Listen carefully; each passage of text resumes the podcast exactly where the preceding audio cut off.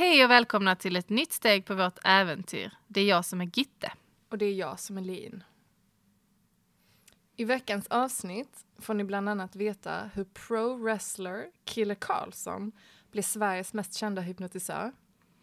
Och hur läskigt är det egentligen att bli hypnotiserad? Vi har provat.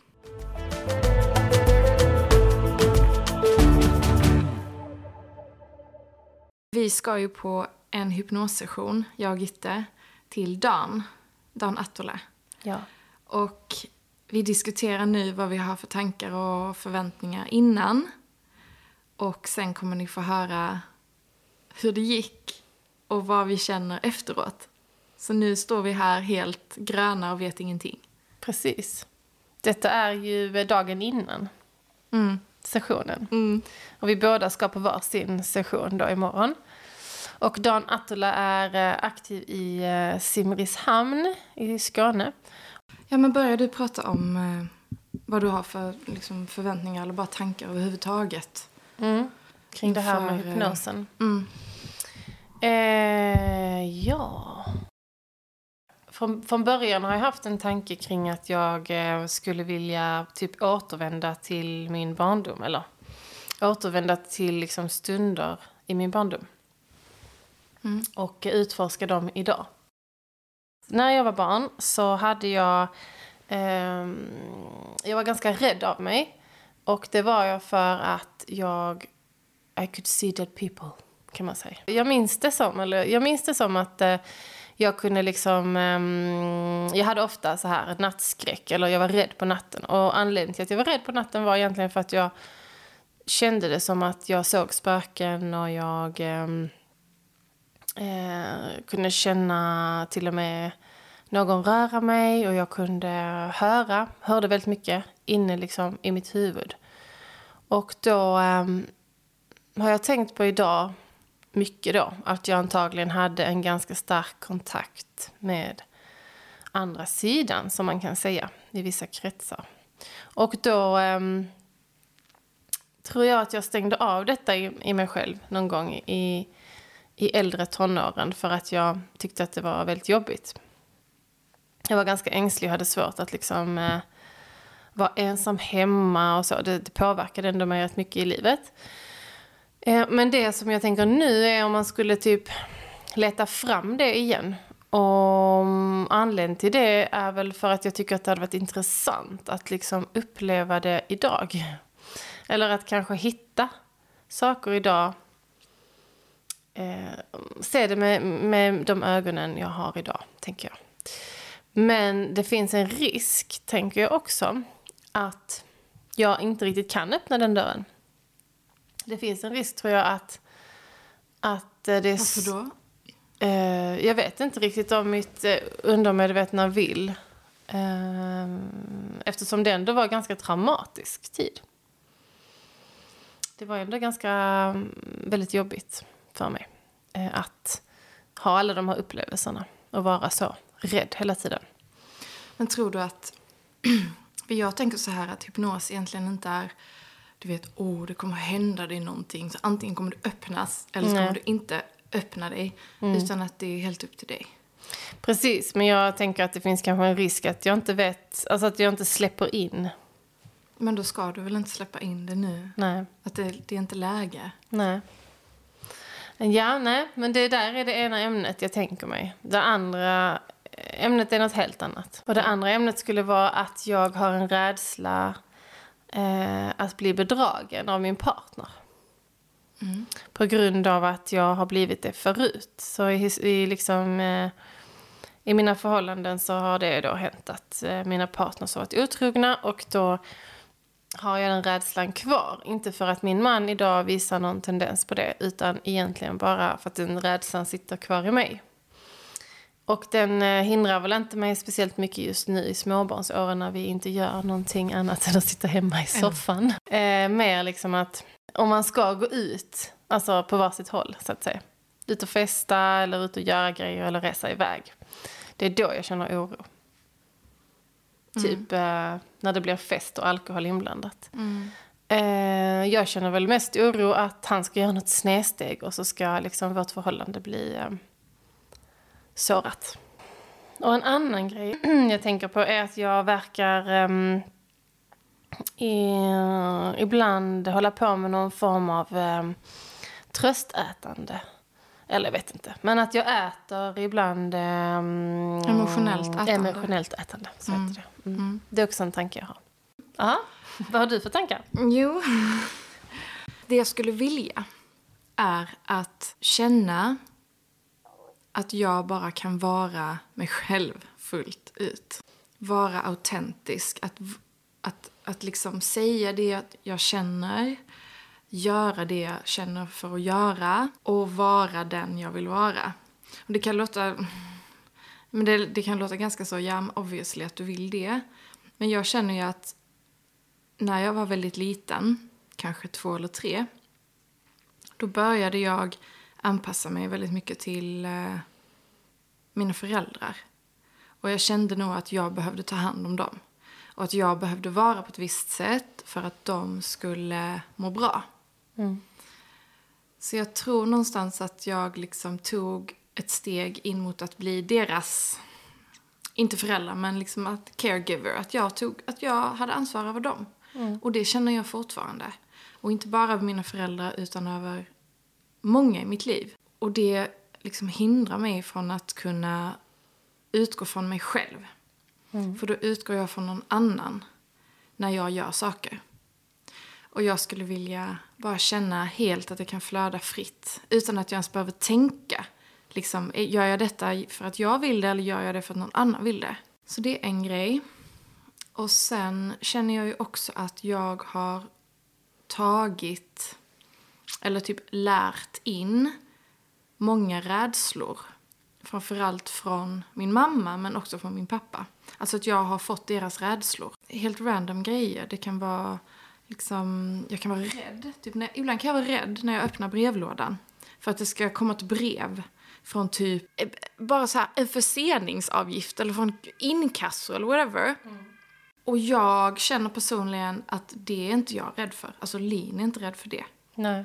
Men jag känner att det finns saker inprogrammerade som är så jävla rädda för grejer. Som jag inte är rädd för alls. Ja. Och det vill jag bli, jag vill bli av med det. Och jag vill liksom verkligen kunna... Men det är väl en del i det här med ditt autentiska jag också? Ja, mm. men det är det ju. Mm. Och sen eh, en tredje grej, mm. det har ju med mitt eh, egenvärde, mitt självvärde att göra. Mm. Att ibland så har jag en röst som säger att jag är misslyckad. Bara så, jag kan sitta typ och stå och borsta tänderna. Och så bara kan jag typ känna en röst eller höra en röst som bara, du är misslyckad. Vems röst är det då? Det är min röst. Mm -hmm.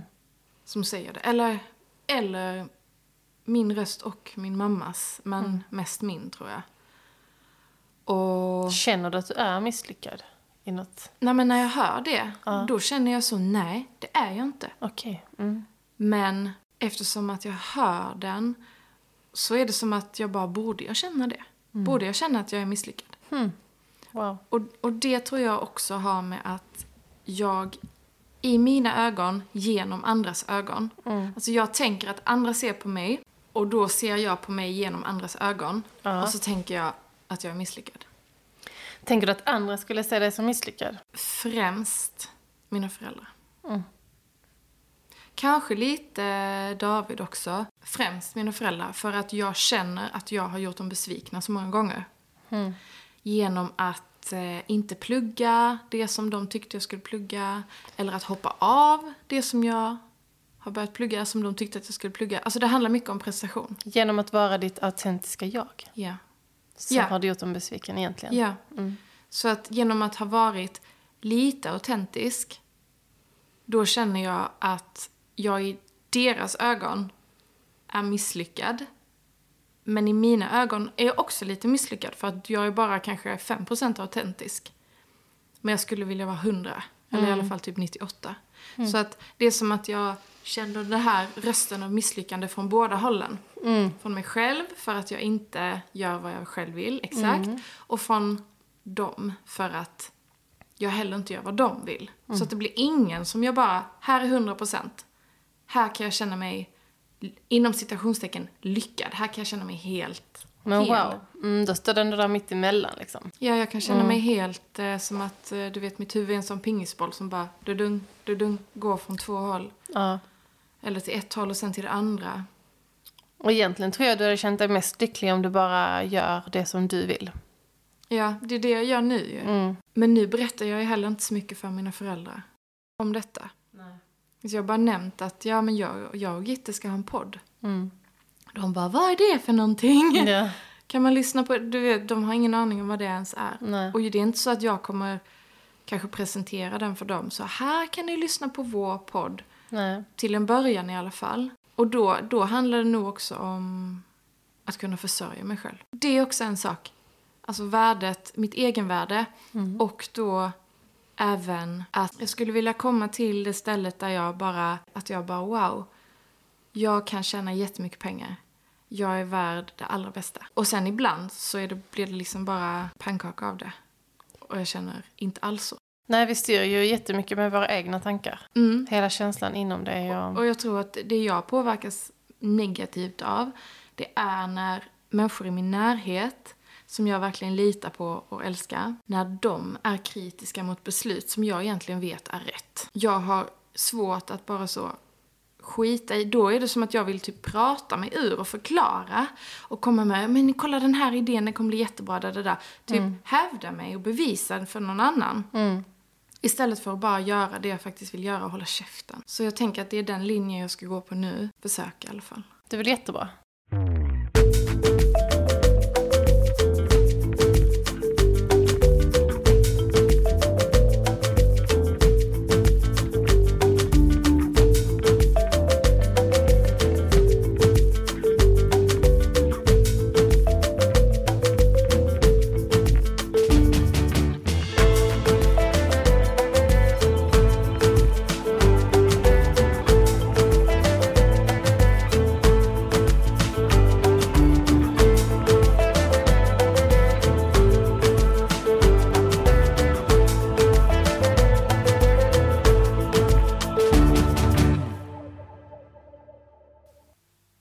Vi börjar med att säga välkommen Dan. Stort tack.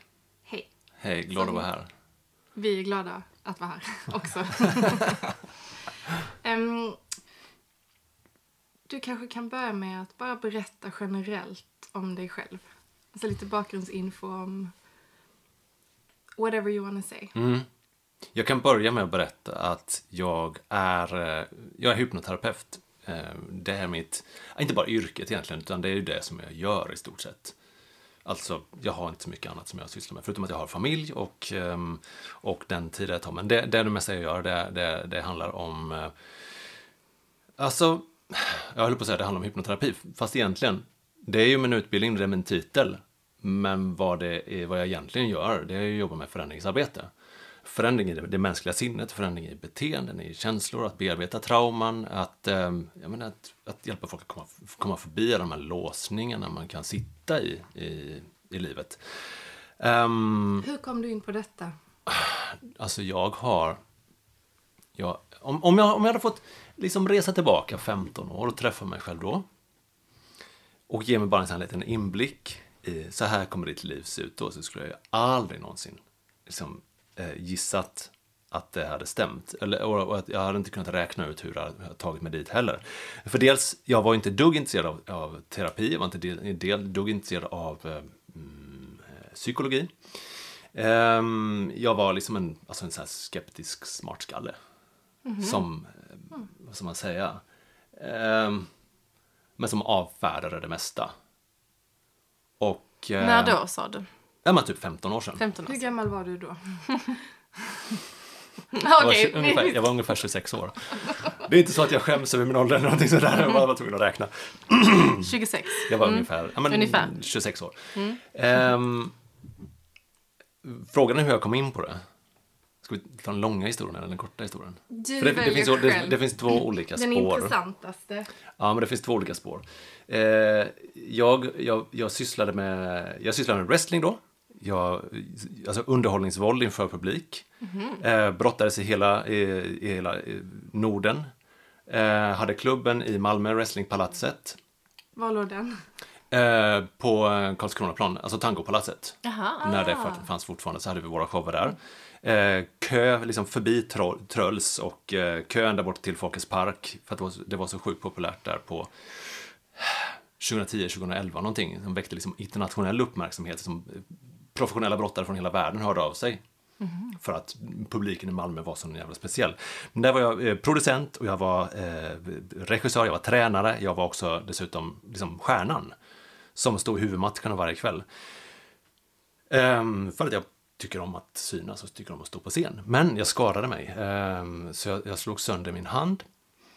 Och jag kunde inte brottas mer och försökte då hitta på en, eh, en karaktär som gjorde det möjligt för mig. Ja, ni, vet ju att det finns ju liksom olika karaktärer i wrestling. De, de, de onda och de goda, till exempel. Hade ni masker på er? Vissa hade masker, jag hade inte mask. Eh, men en del hade masker. Och eh, alla möjliga utstyrslar. Vi hade en, eh, ja, men en fransk mimare till exempel. Som var både väldigt populär och eh, illa omtyckt som ni kan säkert förstå. I alla fall så tänkte jag så här, mm, jag vet om min brottningskaraktär är en hypnotisör så kan jag hypnotisera sina motståndare, eller domaren. Så att jag kan vinna utan att jag behöver vara alldeles för fysisk och liksom, eh, riskera att skada handen ännu mer. Men så tänkte jag, men det här måste ju bli eh, autentiskt, det måste ju se riktigt ut. Så att hur lär man sig eh, att hypnotisera? Hur ser, hur ser det ut? Hur gör man egentligen? Och samtidigt, det är väl här de här två eh, versionerna väver in i varandra. Samtidigt så var min fru på en second hand-affär, bara råkade gå in i en second hand-affär och gå till eh, hyllan med alla böckerna dit hon aldrig brukar gå och ser en, en eh, bokrygg och tar den boken och köper den. Och den eh, boken råkade handla om, om tidigare liv och hypnos. Och då kom jag plötsligt på där att hmm, den här var nog till mig. För att när jag var liten, när jag var typ 10 år, så var jag väldigt intresserad av både tidigare liv och av hypnos. För jag såg Paul McKenna på TV4. Och så jag började läsa det här och och det väcktes någonting inom mig. Jag kände att men det, här, det, här, jag måste ju, det här måste jag... jag hur gör man? Hur känns det? Hur, vad, är, vad är det som händer? Och eh, dels då eh, testa hypnos, men också jag måste lära mig hur man gör. Och så var det liksom en tankesnöboll som aldrig slutade rulla. Så ett, jag tror ett halvår senare så hade jag min första föreställning. För att det jag gjorde från början var bara scenhypnos, bara underhållning. Inte dugg intresserad av terapi just då. Ehm, Men så märkte jag då att dels märkte jag hur snabbt det går att eh, förändra människors verklighetsuppfattning. Vänta, hur lärde du dig tekniken? Jag åkte till England och gjorde det. Så först lärde jag mig hypnotisera. Googlade du då? Ja, typ. Hypnosutbildning? Ja, Okej. fast på engelska. Eh, för det fanns, det fanns ingen liksom, scenhypnosutbildning i, i Sverige. För att vi var två stycken. Liksom. Nej, det var bara en då. Så det var inte, det var inte vidare. Det, det finns ingen riktig marknad liksom, för att uh, utbilda sig där. Men jag åkte till England, jag lärde mig hypnotisera. Och åkte på ytterligare en, en specialiserad scenhypnosutbildning där vi inte gjorde någon hypnos alls. För då lärde vi oss bara hantverket som är kring hypnosen. Ah, alltså typ skådespel och... Ni vet hur man... Nej, inte Nej, skådespel nej. direkt, men, men ni vet hur man brukar säga till exempel när man jobbar med eh, eh, psykedelisk terapi. Man pratar om set och setting. Mhm. Och på samma sätt så är det med scenhypnos också. Hur skapar man det, liksom, det, ett, ett bra tillfälle? Hur eh, tar man in folk i, i den här upplevelsen av att jag kommer bli hypnotiserad? Mm, för det är det det handlar om till stor del. Alltså till 95 Typ procent så handlar det om förväntningar. Förväntningar. Om jag tror att jag kommer bli hypnotiserad så finns det väldigt lite som kommer att hindra mig från det. Så, jag, så jag var i England och lärde mig det eh, och började göra föreställningar. Sen... Eh, ja, men jag började se, till exempel om jag, jag, jag tog bort siffran tre från de frivilliga på scenen. Och så skulle de räkna sina fingrar, så blev det en, två, fyra, fem, sex och så vidare. Det blev jätteskojigt och, och, och tokigt. Men när man lär sig att räkna till tre när man är vadå, ett eller två år och så plötsligt är det borta. Så börjar jag fundera på vad kan man ta bort mer? Som har funnits där väldigt länge. Till exempel i form av känslor, beteenden eller övertygelser. Och gick en hypnoterapiutbildning, eh, gick direkt från utbildningen och började jobba. Och där har jag varit sedan dess. Wow, vilken Typ. historia. Men jag märkte att jag var rätt bra på det. Jag, jag skulle liksom ha, det skulle bara vara min, mitt extrajobb. Men, men så är, sen är det det jag gör. Så nu gör jag ingen, jag gör ingen scenhypnos längre. För att det liksom inte är så, tycker inte det är lika kul. Men då kommer vi ju in på vår, vår ehm, första fråga. Och det är ju, vad är skillnaden mellan just vägledd hypnos och scenhypnos? Det är jätteskillnad. Alltså, Det är lättare att fråga vad likheten är. För likheten är det samma mentala tillstånd. Men där upphör det ungefär.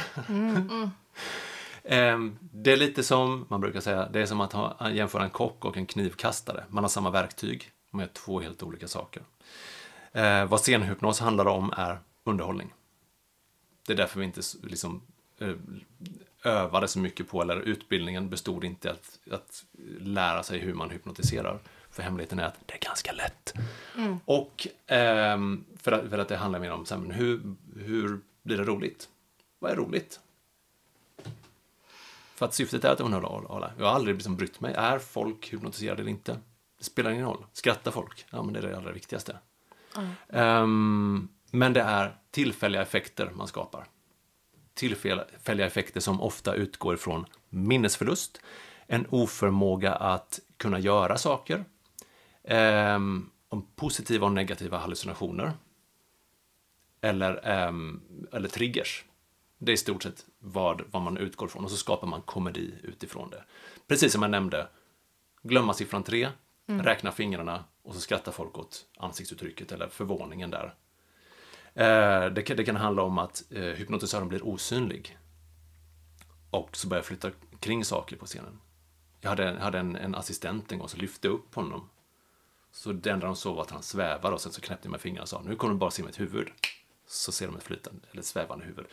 Fråga mig inte hur det funkar, men det funkar tydligen. Vadå fråga mig inte hur det funkar? Så du vet Jag inte har ens... inte varit i, jag har inte varit på scen i den Nej. rollen. Jag Nej, den hypnotiserad rollen. Du har inte blivit hypnotiserad på scen. Inte som, inte som scenunderhållning, nej. Men, men alltså du menar att eh, om en människa, om du ska hypnotisera någon på scen Ja. så eh, måste den människan tro, verkligen tro att den blir hypnotiserad för att det ska funka. Jag tror att den kan bli hypnotiserad, Mm. vilja bli hypnotiserad och förvänta sig det. Och acceptera mig som hypnotisören. Ja, men om, om jag då till exempel skulle bli hypnotiserad på en scen och jag nu känner så, nej men alltså det går ju inte att hypnotisera. Nej, Då går det inte. då får inte du vara med. Nej. Nej, men Du är får det inte vara med och leka ni, då. ni, ni scen, alltså en scenhypnotisör väljer ut då väldigt medvetet vem som ska bli hypnotiserad? Ja, eller snarare man ber om frivilliga. Ja. Och sen så ser man på vissa saker hur, hur, hur, hur, hur mycket vill den här personen vara med och leka? Vad, är det så här, lyssnar den här personen på vad jag säger? Eller följer den vissa, eh, man gör tester. Och när man kan se liksom videos på, på Youtube till exempel om folk som bara går och hypnotiserar folk så här, oh, på en sekund och liksom blixthypnos och rapid hypnosis och sådär eh, på gatorna. Så där. Men det man inte visar är ofta det här förarbetet, precis som du nämner, priming. För att hitta, vem är det troligast, vem är troligast att, att göra precis som jag säger? Så du vet inte hur det funkar? Alltså jag vet, jag vet ungefär hur det funkar, men jag vet inte hur, hur det upplevs, rättare sagt. Nej. Eller vad som händer i hjärnan? Alltså jag vet ungefär vad som händer i hjärnan. Okej. Men, eh, men utifrån, utifrån vad till exempel forskning eh, säger. Men om man, om man säger till den här, den här osynlighetsnumret till exempel, så säger en del Jag såg det inte. Du var inte där. Vad sjukt. Men jag såg att, ja eller hur, jag vet. Ja, men det är ju sjukt. En del säger Alltså jag visste att du var där, men du betydde ingenting. Det betydde inget att jag såg dig. Så därför så räknade liksom hjärnan bort det. Alltså det är jättekonstigt, eller Ah, hur? okej. Mm. Men vad det handlar om är ju, och det är ju själva grunden för hypnos, det är att man går förbi det kritiska medvetna tänkandet och in i upplevandet. Och när det inte finns något kritiskt tänkande, då går den här suggestionen indirekt. När jag säger jag är osynlig, så är det, då accepteras den suggestionen. Och då gör det undermedvetna det som, då, då, då, då sköter det undermedvetna resten. Jag har en liten fråga. Var det några som, för jag tänker att det har mycket med hypnotisörens självförtroende. Ja. Så att, var det några som inte passed the test på typ utbildning? Alltså om man är så här, ja nu ska jag, nu är jag osynlig. alltså om man, Det här är någon som inte passar man test som tvivlar på sig själv som hypnotisör, Ja. då är du körd som hypnotisör, eller? Hemligheten med att hypnotisera, det, det är som, som jag har lärt mig. Eh, men saken är att det finns, det finns tre ord som är de mest hypnotiska i hela svenska språket.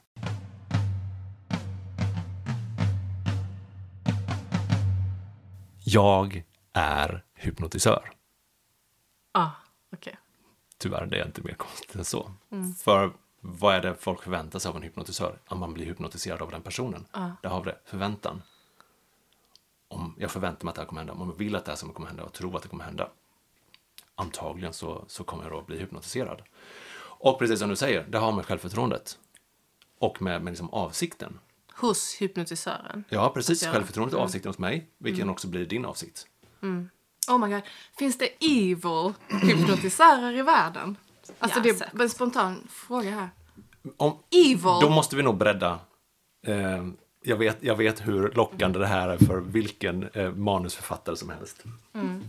Men vi kan säga så här. Vad gör en hypnotisör? Den influerar människor och påverkar människor. Och är expert evil. på det. Ehm, och jag menar, det finns jätte, jätte, jättemånga hypnotisörer. Det är bara att vi vet inte om det. Och så fort du sätter på dig en vit rock och har en titel så är du hypnotisör, vare sig du vill eller inte. Om en läkare säger, och lyssna på skillnaden här, det här kommer göra ont. Eller, nej, det kommer inte vara någon fara.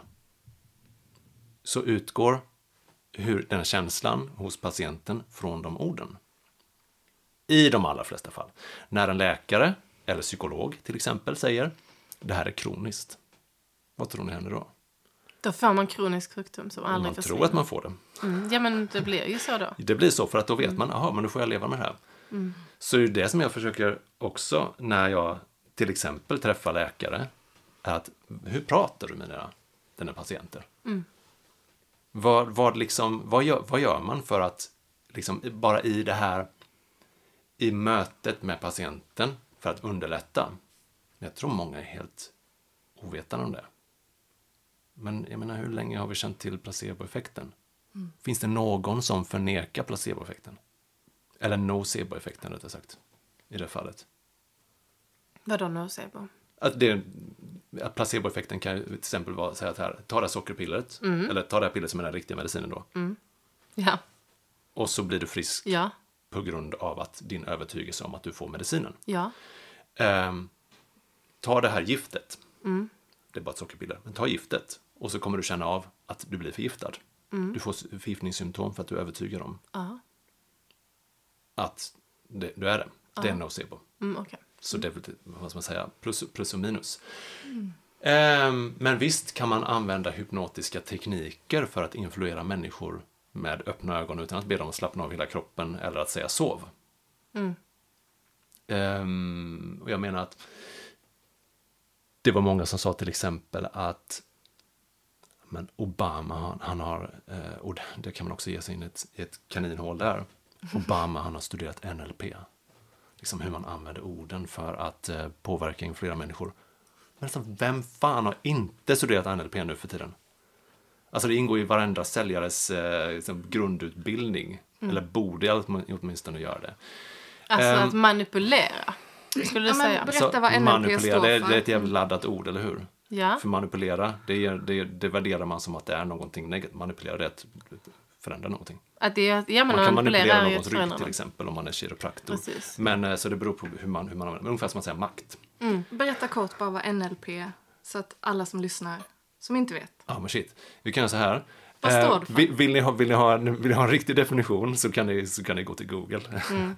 Men NLP är en, man kan säga att det är en, en, em, en samling av tekniker och en teori om hur det mänskliga sinnet fungerar. Neuro-linguistic programming som utvecklas av John Grinder och, och, och Richard Bandler. Det, det är egentligen helt oviktigt. De, de utvecklar NLP i alla fall som en, en form av någonting som används för att liksom, eh, förändra tänkande och agerande.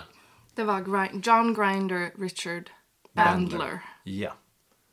Ja. Och sen så har det, misstänker jag, överutnyttjats eh, sedan de tog fram det. Det är väldigt, Men har detta med hypnos att göra, tänker du? Att, alltså det är ja. inom hypnossfären. Men hur kom vi in på det? Jo, du frågade om det finns eh, onda hypnotisörer. Ja, och grundfrågan var vad är skillnaden mellan En god scenhypnos? ja. Men, När jag jobbar med, med terapi däremot, ja, då handlar det också om att förändra folks uppfattning, men det är ju mer permanent. Och det är inte så att det är särskilt spännande att titta på. Utan det ser ut ungefär som ett vanligt samtal. Kanske är det så att den andra blundar. Eh, Men man är ju i samma mentala tillstånd för att det är det tillstånd som, som lämpar sig bäst för, för att, att få nya perspektiv, för att förändra gamla program, som man säger också, för att skriva om narrativet. Om man säger så här till exempel, att jag har lärt mig att jag ehm, eh, att jag är så, jag är så, så jag, jag är så dålig på att eh, på att uttrycka mig. jag är så dålig på att hitta rätt ord. ja. Och att det finns en, en, en djupt hållen övertygelse om det.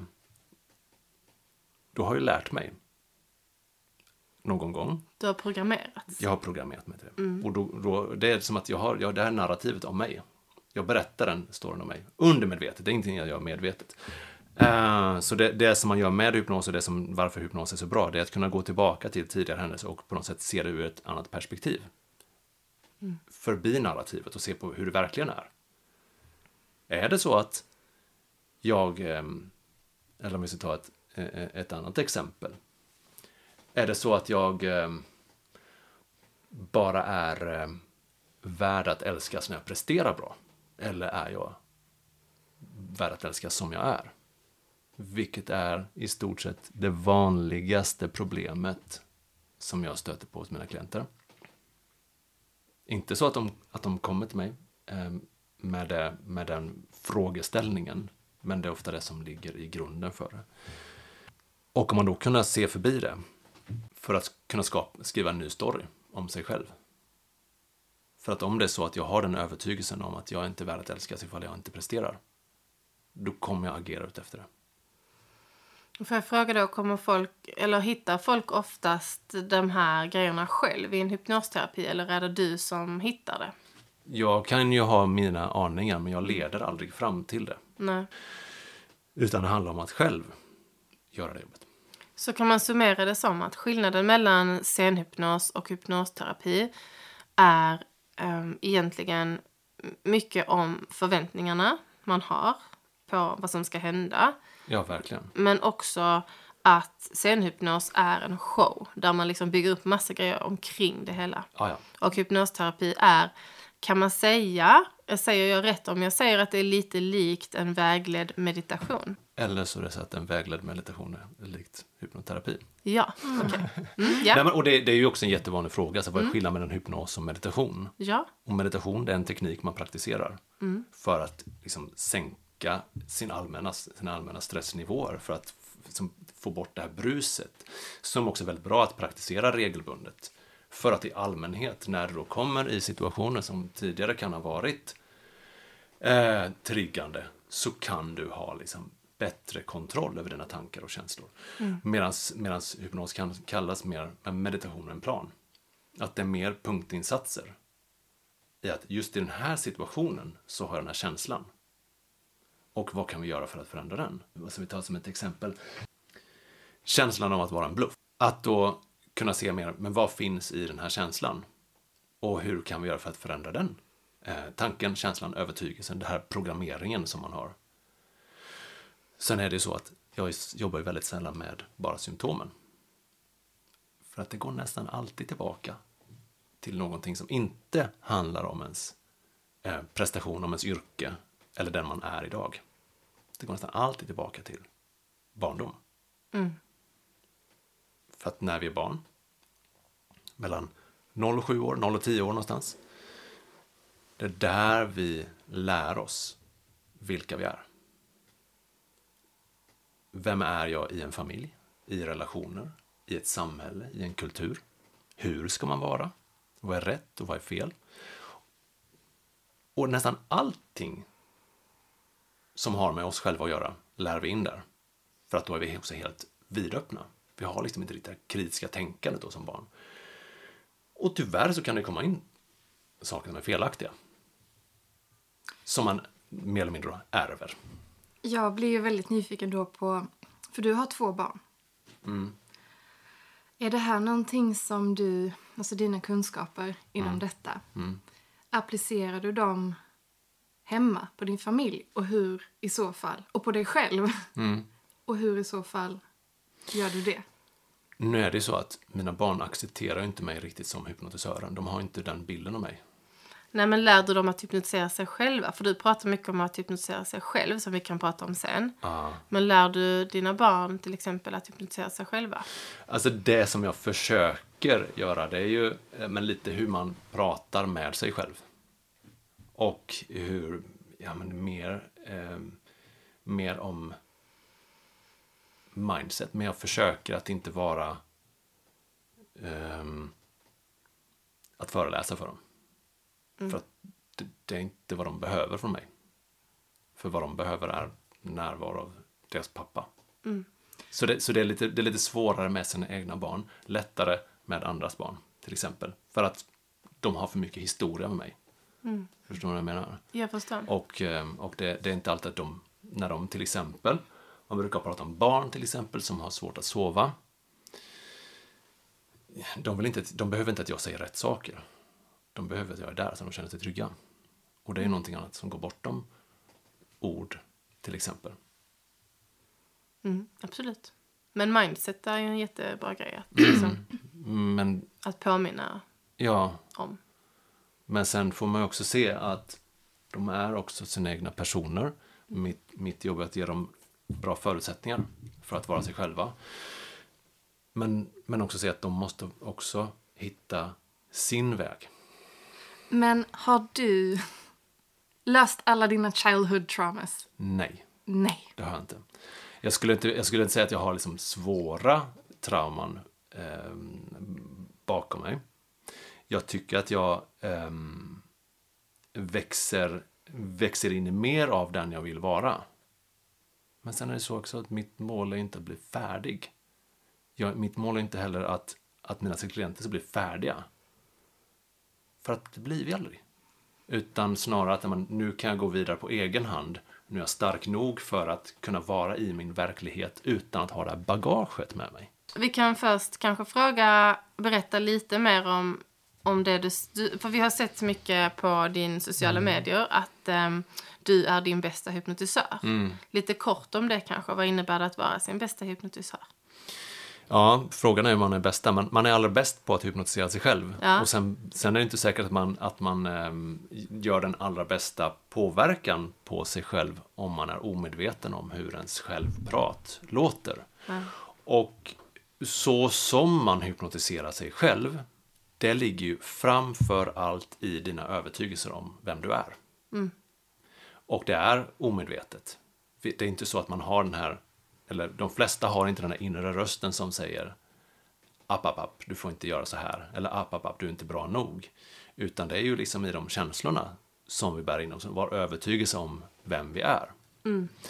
Så att den allra, ehm, den allra vanligaste och bästa sättet att använda självhypnos är inte en teknik som man använder, utan det är ju att se närmare på vem tror jag att jag är? Vad är, det, vad är det jag tror att jag är värd till exempel? Mm. Alltså man ska titta på det, Ja, precis. kanske skriva ner det. Kanske innebär det terapi. För, att man, eh, för att det finns låsningar som kan be- behöva um, ifrågasättas eller blockeringar som man behöver komma förbi. Ehm, men men det, det utgår ju då ifrån sin vardag. Att ehm, hur, hur agerar jag? Och var kommer det ifrån? Det handlar alltså om, om tankens kraft och mycket det undermedvetna. Ja. För när vi pratade med dig första gången så tror jag vi pratade, du pratade en del om fantasi. Och där tänker vi på hur kraftfullt egentligen fantasi är. Tankens kraft. Är det liksom fundamentet för hypnos kan man säga? Det är fundamentet för både själv som självhypnos och eh, när man jobbar med, med terapi. Ehm, om man ser till exempel på en del blockeringar som man kan bära på eller övertygelser. Ehm, en stress, vi kan kalla det en eh, ja, prestationsångest eller, en, eh, eller man har scenskräck eller någonting liknande. Handlar ju ofta om att man, man tänker på en händelse i framtiden. På, på måndag ska jag ha det här mötet. Eller den här presentationen. Och man får faktiskt den här känslan av det är så jobbigt. Så att man redan innan, när man tänker på det, så ska man känna det som man får klumpen i magen och liksom, det börjar bli som torrt i halsen och allt möjligt. Man, nästan man får en blackout. Vad som egentligen händer, man tänker på någonting som inte har hänt, som inte finns. Det är en fantasi. Precis som man kan tänka på, som jag har jobbat ganska mycket med, ehm, um, emetofobi, med kräkfobi. Att det är också fantasi. För man tänker på den här personen kanske är sjuk. Eller nu ser den här personen lite eh, dålig ut. Eller kände jag inte någonting? Och man, man liksom går in i den här bilden av vad jag är rädd för att, att det är som händer just nu. Och det påverkar kroppen som om det är sant. Och då menar jag inte på något sätt att banalisera fantasin, för jag vet hur kraftfullt det är. För det man gör då, det är att hypnotisera sig själv. När vi fantiserar och eh, får liksom en känslomässig reaktion av det, då är det hypnos. Så om man då till exempel frågar sig, ja ah, men jag vet inte om jag kan bli hypnotiserad. Okej, men kan du, kan du fantisera? Ja, ja men då kan, då kan du hypnos. Och då kanske det inte är det, liksom det djupaste, djupaste tillståndet när man är fantasi, men det är, men det är fortfarande det som man gör. Så det, man vill ju använda eh, fantasin på rätt sätt. Alltså dels för att komma förbi de gamla eh, tankarna, de gamla rädslorna, men också för att bygga en, en, ett nytt sätt att se på framtiden. Som inte är så baserat i det förflutna. För jag tror att det många gör, som har blockeringar, som har ångest, som har stress eller rädslor, det är att man tänker på framtiden utifrån det förflutna. Som att man är inte riktigt i nuet. För att, men det här har hänt tidigare. Så det får inte hända igen. För att många av våra rädslor, det är ju, eller överhuvudtaget negativa beteenden, är skydd. Det är försvar mot någonting som har hänt, men någon del av oss tror fortfarande att vi är kvar. Upprepa samma sak om och om igen i hopp om att, om att lösa det. Vi blir fast i den här traumaresponsen, att fightas, fly eller, eller frysa. Och eftersom det funkar, eftersom vi överlevde, så är det bäst att vi sparar det. För att vi har inte heller något, vi har hunnit bearbeta det, vi har inte hunnit komma på ett nytt sätt, vi har inte kunnat förstå det. Så, ja. Jag tänker också att det är därför som det är så otroligt svårt att eh, leva i nuet. För att våra hjärnor har kapacitet att tänka framåt Ja, och bakåt. yes. Och att om man, om man faktiskt rannsakar sig själv så jag spenderar mer tid med att tänka framåt, eller bakåt, men oftast framåt, än att bara, jag är här nu. Vad är nice nu? Har du något svar på varför det är så svårt att vara i nuet? Alltså dels, det, det har gått lite inflation i begreppet nuet tror jag också, för att man har andra förväntningar av att eh, leva i nuet är, ja men du vet, man, man står inför en solgång, soluppgång med, med, med liksom händerna utsträckta och så Jo. vidare. Och att man, man, har ett vänt uttryck i ansiktet, bara, mm, jag, måste, jag är så mild och glad och allt möjligt så här. Men att oftast när man är i nuet så märker man inte riktigt man är där. Förrän efteråt, typ. Men, men jag tänker så här, det är ju en, en fantastisk gåva vi har, att vi, vi kan, kan se framåt, att vi kan ha visioner, vi kan planera. Men att vi gör det inte utifrån nuet, från den verklighet vi är i nu. Det var bra sagt. För att vi planerar utifrån kanske då en, en, en tidigare erfarenhet vi gjort om det man ska göra. Om vi nu går till exempel in på jag ska spela, spela in ett poddavsnitt eh, som jag gör då regelbundet. Och jag ska göra mig hörd, jag ska synas. Folk ska lyssna på mig och, och, och tycka någonting kanske då om, om, om det jag säger eller, eller uttrycker. Har ju för mig tidigare varit alltså, ganska skrämmande därför jag dröjde flera år med att göra det. För att jag var rädd för vad andra tyckte. Och om man bara stannar till där, rädd för vad andra tycker, vad är det? Fantasi. Jag har ingen aning.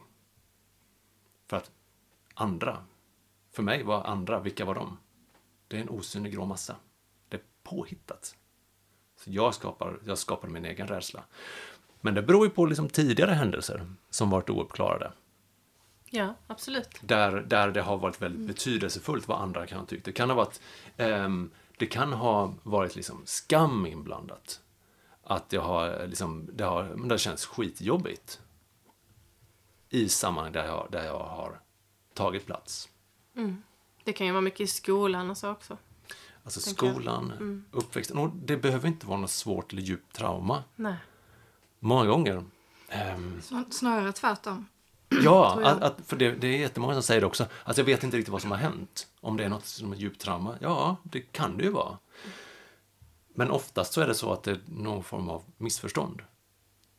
Ja. För låt oss säga att de flesta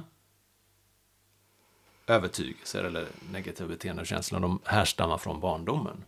Där har vi inte det här vuxna perspektivet. Vi kan inte... ehm, vi förstår inte riktigt vad som händer när vi är barn. För att världen är så liten. Så det är lätt att man, man tar på sig ansvar, man tar på sig andra känslor, man tar in andras energi till exempel. Och man är ganska mm, självupptagen. Man tänker att världen, världen cirkulerar omkring mig, jag har ansvar för allting ungefär. Ehm, som att, ja men nu är, nu är pappa arg, det måste vara mitt fel. Eftersom jag är här. Och det är som den beskrivelsen. Också hört att ja, men mamma, eh, mamma eh, gråter eller någonting liknande. Eller nu, ble, nu, nu är de stressade och det är mitt fel. Jag vet det var någon som pratar om att hon blev magsjuk och kräktes mitt i natten. Och ni som föräldrar vet ju att man blir väckt mitt i natten. Man är lite groggy, ganska stressad. Men det hon minns av det här. Mamma och pappa är arga och stressade. Och de ser inte mig. För de sysslar med att hålla på med lakan, springa fram och tillbaka, duscha, tvätta och så vidare. Det hon lägger märke till att jag gjorde fel. För mamma och pappa är jättestressade och jag är ensam, jag är inte sedd. Och Det var vad som fastnade. För att hon förstår inte att ja, men, de har precis vaknat och vill bara få allt det här ur vägen så att det lilla barnet kan få gå och lägga sig och sova igen. Men, eh, men, men, men just det som fastnar är, jag gjorde fel. Och även, sen hade hon andra upp, upplevelser också där, jag blev inte sedd. Som också hade med magsjuka att göra, vilket gjort att de liksom utvecklar just den här emetofobin. Men Ja. om, du ska, om du ska ge ett exempel från eh, verkligheten, så i korta drag, eh, om du tar ett, kanske något vanligt förekommande som klienter har, ett beteende de vill bli av med eller vad det nu kan vara, och liksom hur du ehm, går tillväga. Inte så i detalj, utan bara generellt, så vi kan förstå. Korta drag, ja vi får se. Ja, men ett, ett live Jo, vi, kan- vi, kan, vi, ta, vi kan ta exempel som Sluta röka till exempel. Men framförallt så eh, det kan vara intressant att se bland annat hur, vad är det som gjort att ett beteende har skapats? För det är ju oftast det som vi kommer fram till. Att vi börjar med, vad är det som känns som är fel?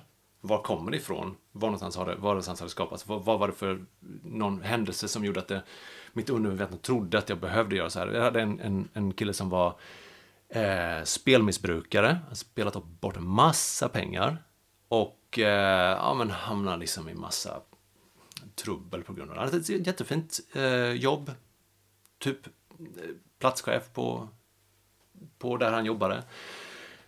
Och liksom hade allmänt då ett eh, välordnat liv, om man säger. Och har stora skulder, vunnit jättemycket, för de flesta med spelberoende har vunnit jättemycket pengar, men också spelat bort mycket, mycket mer än så. Och när vi går tillbaka till vad som har hänt i hypnosen, var det här kommer ifrån, så kommer vi till ett lyckligt minne. Man tänker sig så här, men ska det inte vara någon slags trauma här? När vi kommer till ett lyckligt minne där han och hans pappa spelar på Stryktipset i deras sommarstuga. Och det är bara de där. Och bara, de har det så jävla mysigt och bra. Och kan vara typ 10-12 år eller någonting. Och de vinner också. Och de blir jätteglada. Och det blir någon form av koppling i honom där. Att han kopplar ihop. Det här är så mysigt och bra och jag får tid med pappa. Med att spela och vinna pengar. För att han levde under ganska mycket stress. För hans pappa var sjuk, hans pappa var diabetiker.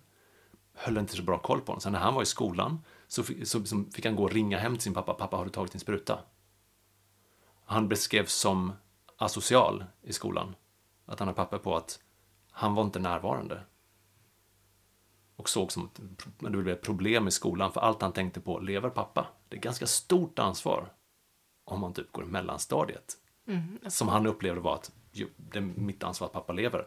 Så att när de äntligen hade, de hade det bra tillsammans, då sparades det ner. Och det har han liksom, när det blivit stressigt, har han försökt att replikera. Att återfå den här, det här mysiga, det här härliga, närvaron. De tillsammans som är glada och det bara känns lugnt. Men hur kom han tillbaka till just det här minnet? Hur, hur han kom tillbaka till det? Ja. Alltså jag, vi, han var i hypnos. Ja, men, Och jag frågade, ja, men jag, jag tog fram den här känslan av, den här, den här känslan av suget mer eller mindre. Eller den här känslan av hur vet du att du har ett, ett, ett spelproblem? Han vet om, medveten om hur, hur vet att det är ett problem? Men det blir en slags stress, det blir en slags eh, fokus på att spela till exempel. Och då, då kommer han tillbaka till det minnet. Jag ska gå tillbaka till första gången när det hände. Var någonstans skapades den? men har du då några liksom, konkreta verktyg i hypnosen som du använder? För det första, jag har ju inget manus. Jag har ingen så här 1, 2, 3. Att det ska ske exakt likadant steg för steg för till exempel spelberoende. Eh, eller för emetofobi. Eller för liksom, impotens eller vad det kan vara. Utan jag följer ju klientens upplevelser. Nu kommer vi väl till poängen som egentligen är det som, det som ofta händer när jag jobbar med klienter, är att vi reser i tiden. När du reser i tiden, du får, du får inte ändra någonting Nej, just det. säga bullshit. Det är klart vi ska ändra på någonting, det är därför vi reser i tiden. Men vi ändrar inte de fakt de faktiska händelserna, utan det är ditt perspektiv. Och då kommer vi också till någonting som är så intressant med hypnos. Eh, I likhet med till exempel psilocybin och MDMA.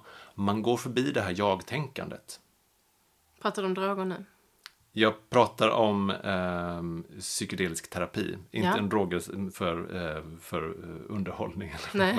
Inte festdroger, utan, utan snarare med, med, i psykedelisk terapi. Ja. Att det som händer är att man kommer förbi jaget. Vem har jag trott att jag är i den här situationen? Om man har det här, återigen, narrativet. Och vad hypnos gör, precis som eh, de här eh, medicinerna, att man kommer förbi det och kan se det ur ett nytt perspektiv och kan fatta ett nytt beslut. Man skriver om den här händelsen som att ja, det här hände. Men det händer inte längre. Jag är inte kvar där längre. Och att man hämtar hem den här delen av sig själv.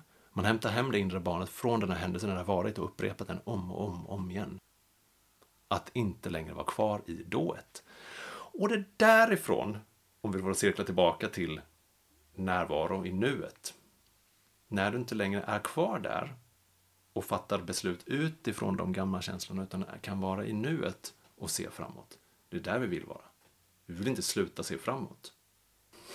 Men alltså hypnos ehm, är inte liksom klassat som någon andlig grej egentligen. Eller? Nej, alltså vad det är, det, det är ett mentalt tillstånd. Mm. Precis som alltså att, att vara i en känsla också ett mentalt tillstånd. Att, att, vara vaken är ett mentalt tillstånd. Att vara kär, arg, ett mentalt tillstånd. Att, fokusera, att vara fokuserad är ett mentalt tillstånd. Men däremot så, så upplever jag att det, det ger en helt annan öppning för andliga upplevelser. Du håller ju i... Jag har förstått att du håller i mansgrupper. Mm. Och det här är någonting som du är passionerad för. Kan du, kan du ma- mansplaina det? Ja, det ska jag göra. Nu ska ni få höra små flickor. jag har... Um, de här är ju liksom, går utanför uh, egentligen uh, hypnos och liknande, utan det är ju mer av det här inre arbetet som många män behöver göra. Att lära sig om känslor, om att lära sig om sig själva, att gå bortom egot till exempel. Men också, uh, som var ett fokus det senaste halvåret, att jobba med det inre barnet. För att är det någonting som varje man inte vill vara, så är det ett barn. Eller bli sedd som ett barn. Men man behöver också se barnet. Det är det som är själva utmaningen. Att kunna se det här barnet som man har inom sig. Är det just för det maskulina, tänker du att detta är extra läskigt? Ja, alltså att vara sårbar, att ses som svag, att visa känslor är traditionellt någonting oerhört skrämmande. Och jag vet ju att jag gick igenom det också i den här gruppen. För att, att visa känslor inför män har ju varit skitläskigt. Inför mm. kvinnor har det inte varit något problem för att det har varit alltså, välkomnat. Men att göra det inför män, jag, jag har liksom suttit och svettats och skakat och haft feber och ont i magen känns det som, bara för att jag har tagit plats och pratat om det här känner jag skam för. Eller det här är, eh, är, är jobbigt för mig. Eller så här känner jag. Har det att göra med vad vi har lärt oss? Hur, vad samhället har lärt oss, tänker du? Det är jättemånga män som får lära sig bit mm. ihop. Mm. Gråt inte, var inte arg. Många sådana saker som vi lär oss av andra män som inte har lärt sig att hantera sina känslor. Vi har en, en process där vi i alla fall får låta en person sitta i mitten med den känsla som han har. För att gräva djupare i den. Där han är då the explorer. Det är två personer som är the archaeologists och de andra är, um, är med och stöttar. Och får sitta och ha den här känslan. Det finns två viktiga um, punkter. Du får inte ge råd. Du ska inte lösa problemet. Vilket, vilket de flesta vilket män vill ni göra. Som förstår, ni som är tillsammans med män. Mm vet att vi, vi är ju skitsnabba på så här, åh fan, har du ett problem? Utmärkt, här har du en strategi. Mm. Hej då! Men alltså, vi, vi, vi, ska inte lösa varandras problem, vi ska inte ge råd, utan hur känns det? Och just för många män så är det helt, helt främmande. Och jag tror också att för amerikanska män, som, och de flesta där är inom finance, business, eh, corporate, bla bla bla. Och har vuxit upp i den kulturen. Det är helt främmande. Att få känna någonting. Att få göra det inför andra män. Men det är så oerhört viktigt arbete att se andra som verkligen växer in i det. Och som blir så hjärtliga. Och det är ju, alltså det är mina bästa vänner. Jag har, inte träffat någon, jag har träffat en person som bor i London. Men det är ju verkligen där som jag har verkligen kommit nära män så gott som för första gången i mitt liv. För att jag får känna saker. För att jag får erkänna, jag känner skam för att jag ja, men inte är en tillräckligt bra provider för min familj. Det var liksom den här stora grejen. Och bara möts av så här kärleksbombande. Istället för att säga jag, menar, och jag tror jag sa det under det här mötet, kan vara ett, ett och ett halvt år sedan, något liknande.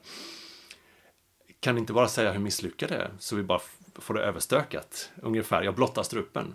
Bit så jag slipper sitta i den här plågan. Säg hur misslyckad jag är, säg liksom vilken, vilken liksom, dålig man jag är. Men istället bara så här, det, det är okej, okay, vi är här. Och det är ju så ovanligt. Prata med andra män som också håller med mansgrupper. Hur det i början kan vara en så tät stämning så det liksom immar igen rutorna. Alltså när de träffas live. Att, att man skakar när man ska prata om någonting man bara känner.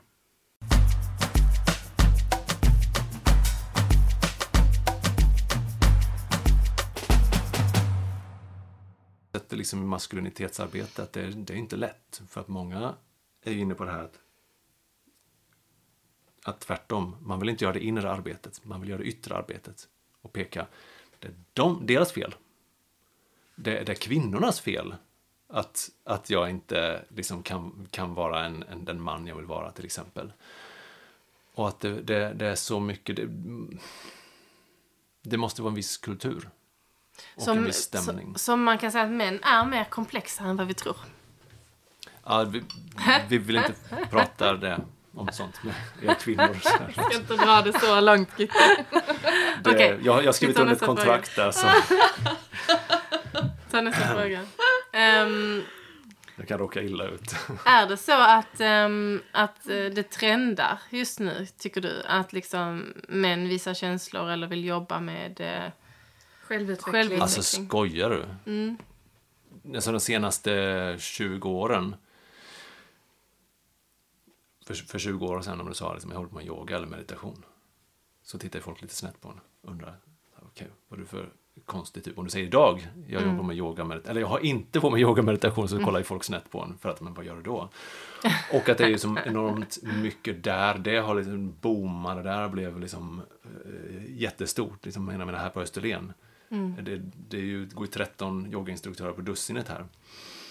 Lite överdrivet kanske, men, men ni förstår vad jag menar. Ehm, sen tror jag att, att hypnoterapi ligger där i pipen och innan de närmaste ett åren, två åren så kommer det liksom booma för att man ser att det är lätt. Det är väldigt kraftigt, det går fort.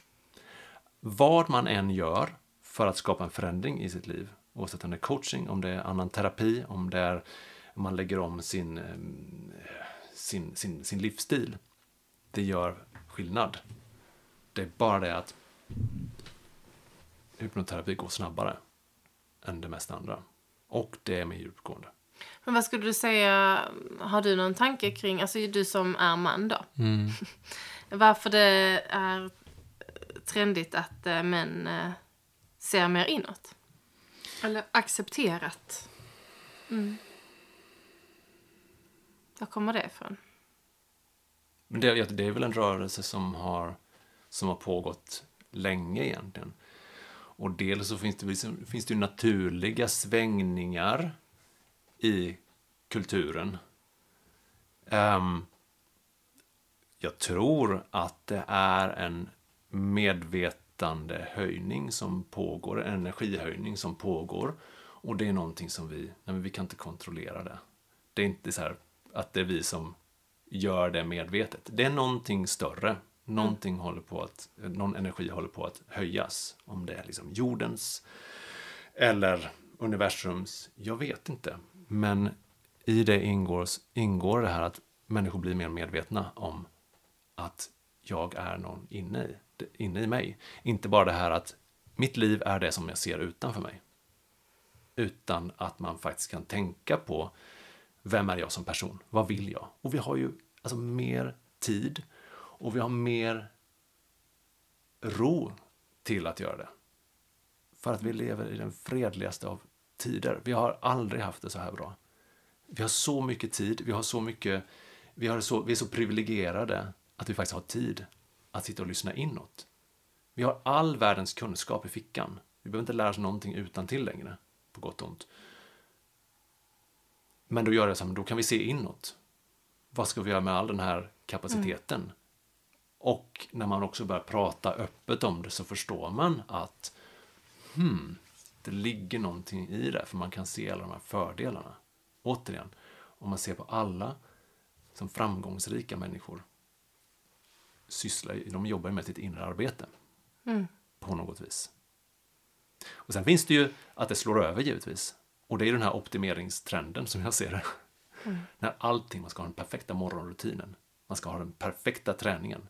Den perfekta jobbschemat och så vidare. Allting ska vara optimerat.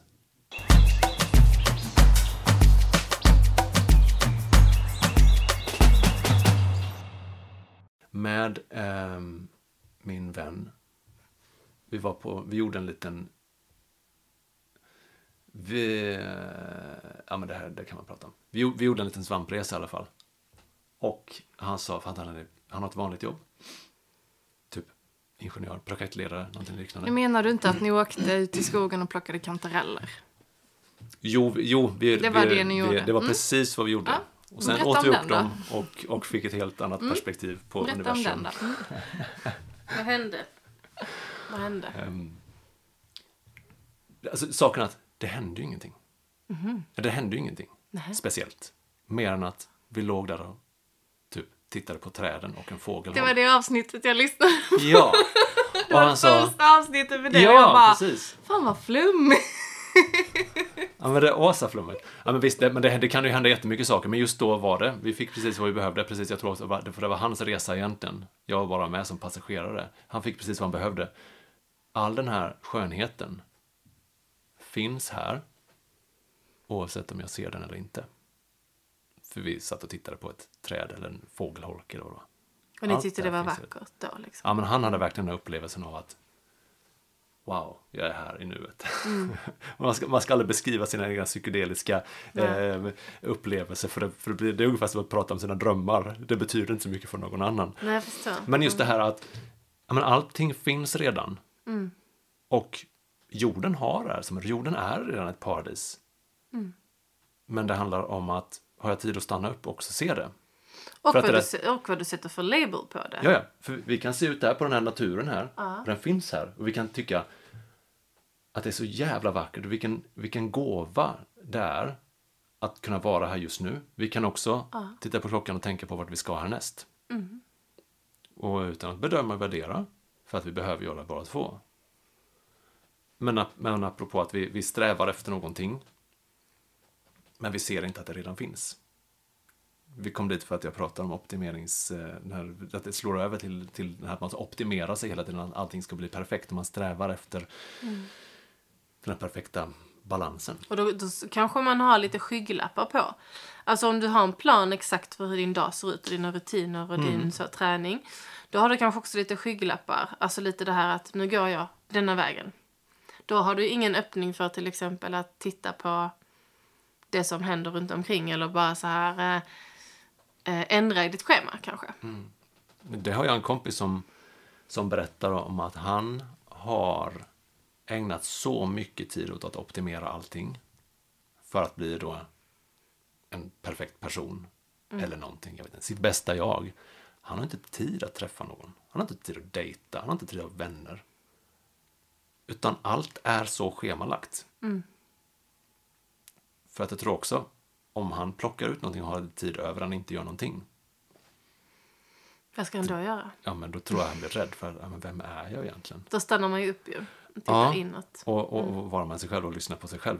Va- Vart är jag på väg? Vad vill jag? Så det kan ju vara lite flyktbeteende också. Att liksom... ehm, Mhm. Det finns ju också där, fatta vilken variation och vilken ofantlig mängd olika val vi har när det gäller att fly. Mm.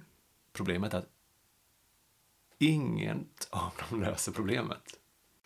Ska vi lite kort berätta om vår upplevelse av hypnos?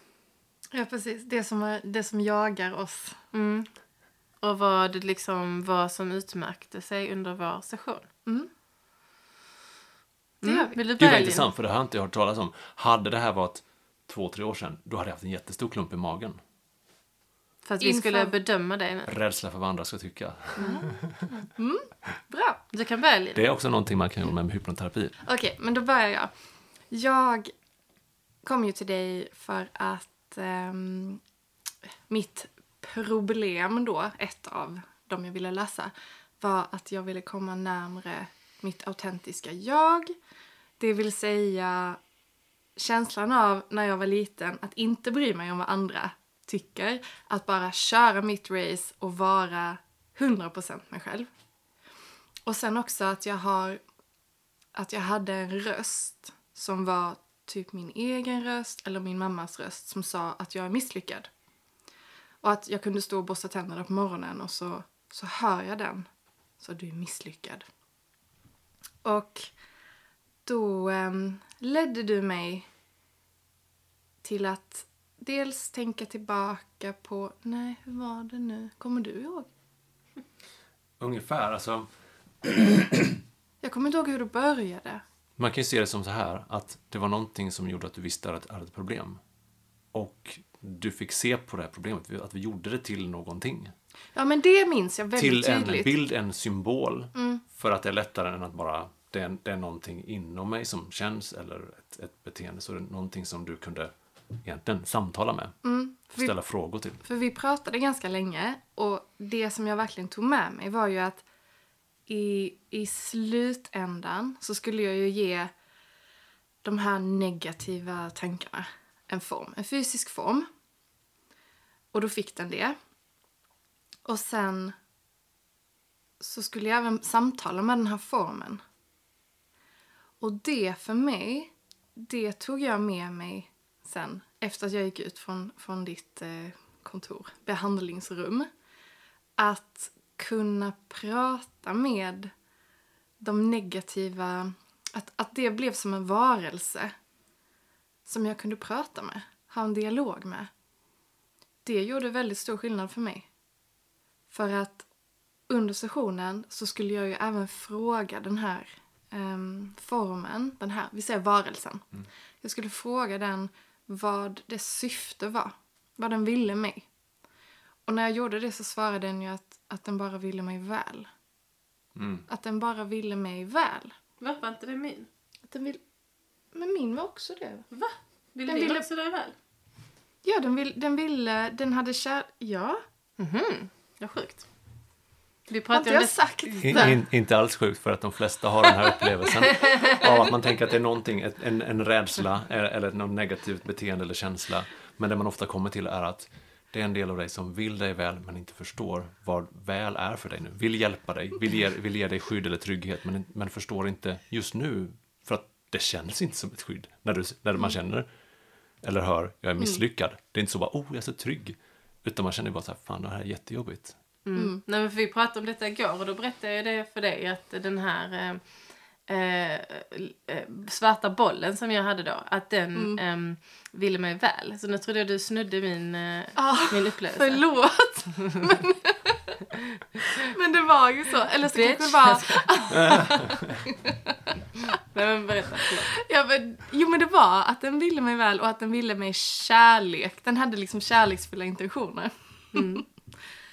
Eh, och när jag fattade det och sen gick ut i min vardag så kunde jag så kunde jag förhålla mig till det istället. När jag hörde eller kände de mm. tankarna. Och det var ett helt nytt sätt. Jag har ju jobbat väldigt länge, väldigt mycket med mig själv. Mm. Men att, att ge det en sån form och kunna att kunna ha en dialog. För det hade jag, det har jag i alla fall. Då kan mm. jag ha en dialog med den här grejen, varelsen. Och det är något helt annat än att jag tänker på Åh nej, när jag var liten så sa min mamma så här och så kände jag si och så, mm. och så då kan jag liksom inte Det är för mycket att bena ut. Det är för många olika händelser mm. som har samlats i en enda känsla av att jag känner mig misslyckad. Det är ofta så man börjar. Det är ju så här, vad är det som gör att du vet att du har ett problem? Och det kan vara en känsla, en röst, ett beteende.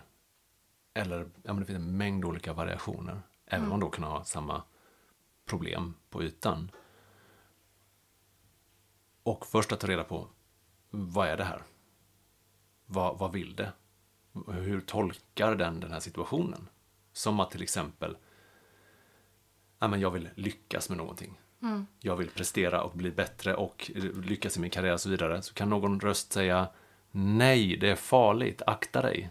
Mm. Nu låter det inte så, men, att, men, men det, det känslan kanske är mer så här skam eller och det är just för att hålla dig borta från det som ditt undermedvetna tror är farligt. Men det undermedvetna vet ju inte. Mm. För att det har inte, det har ingen hjärna. Jag bara funderar nu. Nu blir det lite krångligt här, men att det, man pratar som ett annat, en, en entitet. Men det är ungefär som att det, det är den här bara tolkningen som härstammar från mm. det gamla. Jag kom på nu att det den sa var att den ville skydda mig. Mm. Men eftersom du sa jag ville väl så hade jag det i huvudet. Mm. Och jag tänkte att det var samma sak. Mm. Men den ville skydda mig. Mm. Sorry. Nej, jag bara skojar. Men, men alltså, det är det, samma sak. Det är samma det, sak. Det är, ja, det är många andras upplevelse också. Mm. Och att först bara på något sätt vän med sig själv och inte känna du vet, jag gör fel, jag tänker fel, jag känner fel. Mm. Utan istället veta att ingen del av mig vill mig illa. Ingen del av mig vill jävlas eller förstöra för mig. Det kanske känns så, men någon del av mig har missförstått mm. vad som händer nu eller vad jag vill åstadkomma just mm. nu. Och du då, Gitte? Ja, men jag kan känna, jag rättar mig om jag har fel, men jag kan känna att detta påminner mig om när jag försökte sluta röka. Eh, jag rökte då i 14 ehm, år Ehm, och eh, slutade. Ja, alltså länge. Det var länge. Mm. Men ehm, det har ju inte med detta att göra utan bara då att jag eh, läste då en bok och där ehm, lärde jag mig att det fanns någonting i, men man kan säga så att det fanns någonting i mitt huvud som sa till mig att jag ville röka. Så typ jag kallade det för en liten djävul i mitt huvud. Ehm, och då ehm, utvecklade jag liksom ett tankesätt där jag ehm, tänkte att jag skulle vara smartare än den här djävulen. Och att jag faktiskt såg liksom ner på den kan man säga. På ett sätt. Att nej, nej, nej, jag, kom, jag ska vara smartare än den. Så eh, mm, mm, mm, jag ska vinna över den. Och lyckades med det. Um, och jag tänker att nu när jag gick hos dig så, så pratade jag om mitt beteende kring mat. Att jag um, tycker att det är jobbigt. Det har inte bara med mat att göra egentligen, tänker jag, utan det har med uh, vikt um, och mycket kring det. Alltså som också i barndomen, att man, jag har lärt mig att eh, man ska vara smal och, och, och vacker och så. Och att det är mycket det kring mat då som blir jobbigt. Um, alltså det ligger skam i det liksom när man äter. Att det blir en som en liten ätstörning. Jag vet inte på vilken nivå, men ja. Eh, det pratar vi om i alla fall. Och ehm, min känsla då skulle jag, som, precis som vi pratade om, sätta en form och en färg på. Så det blev en svart boll. Mm, men sen skulle jag ändra färgen och formen. Och då blev det ett lila hjärta. Eh, sen sa du att väldigt många eh, får lila hjärtan. Varför det nu är så. Mm. Min blev ju en blomkruka då. Ja. I terrakotta. Som du ja. har på huvudet. Som var på mitt huvud. Är Ja. det blommor i den? Eller? Nej. Nej. Nej, i jord med lite... Du ska vara så märkvärdig. så special. Nej men ehm, vad skulle jag komma till egentligen? Jo men att den här eh, svarta bollen, som det var från början, den eh, ville mig väl. Fick jag känslan av då. Eller ja, precis. Och ehm, jag, alltså när jag satte problemet utanför mig, som du visade mig, Dan, då tänker jag att det lite grann är den grejen som jag höll på med när jag slutade röka. Alltså att jag har nästan en dialog, eller jag kan ha en dialog med den här svarta bollen. Och jag kan sätta den utanför mig och se att, aha, den är inte liksom så clever. Att den förstår att den inte gör mig väl, till exempel. Utan jag skulle kunna kanske vara smartare än den. Mm. Det tycker jag är ganska bra tankesätt för mig. Jag brukar beskriva det lite som att det är en del av dig som inte är säkert smart, Det är en men del väldigt stark. Mm. Stora muskler, inte så mycket hjärna. Men, men att just mycket ligger i det här att det är nog någon del av dig som tror att den gör rätt. Och att du behöver det, men inte är uppdaterad. Att du behöver uppdateras, för det utgår ifrån någonting helt annat. Och att just första steget är ju att, att då varifrån det kommer, att den här grunden i den här känslan eller beteendet eller den här identiteten eller vad det nu kan vara, att man omtolkar den. Så att det inte är ens fiende. Perspektiv återigen. Ja, för att kämpa funkar väldigt sällan när det kommer till ens som undermedvetna känslor och så vidare. Och, och sen så handlar det ju delvis om, om att faktiskt gå tillbaka till händelser där det har skapats och hämta hem alla delar av det som varit fast i att upprepa det gamla beteendet. Alla gånger som du har sagt jag är misslyckad eller tänkte att hämta hem alla dem in till nuet och säga okej, men du behöver inte säga det längre.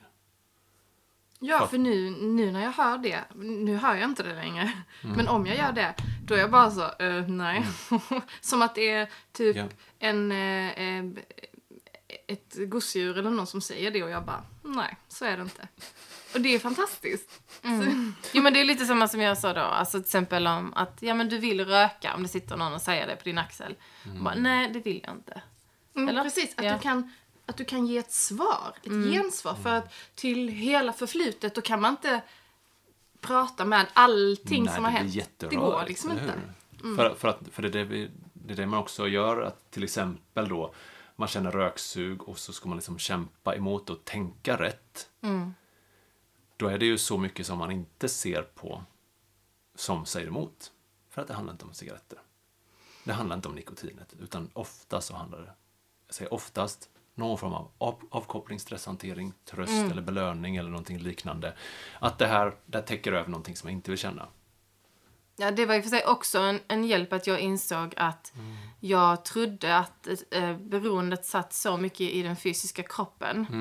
Att liksom, eh, ja, när jag då insåg att det sitter inte så mycket i den fysiska kroppen som jag tror. Utan det sitter så mycket i mitt huvud. Ja. Och det, den insikten, att verkligen inse det, eh, fick mig också, nu pratar jag ju om någonting som var för många år sedan i och för sig, men jag jämförde ändå med detta. För att eh, det påminner mig ändå om hur jag tänkte då. Em, så det vi skulle kunna ge med till lyssnarna är ju att kanske prova att sätta problemet i en form utanför dig. Och titta på vad den vill dig. Eller kanske ha en dialog. Men precis, för att jag tror man sällan gör det. Utan det blir så här, jag är, jag är dum, jag gör fel, jag tänker fel. Varför gjorde jag så nu igen? Man dömer sig själv. Istället för att ha lite självmedkänsla.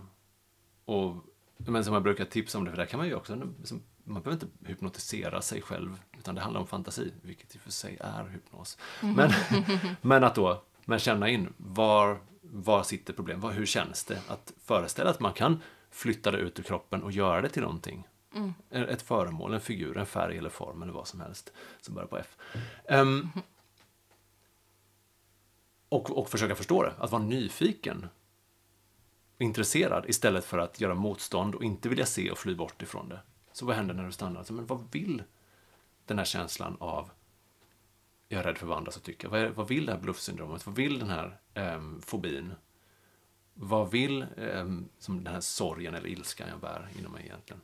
Och det är väldigt sällan som det faktiskt är så. Men jag försöker sabotera för dig för att jag är en demon. Utan ofta är det så här, jag försöker hjälpa dig.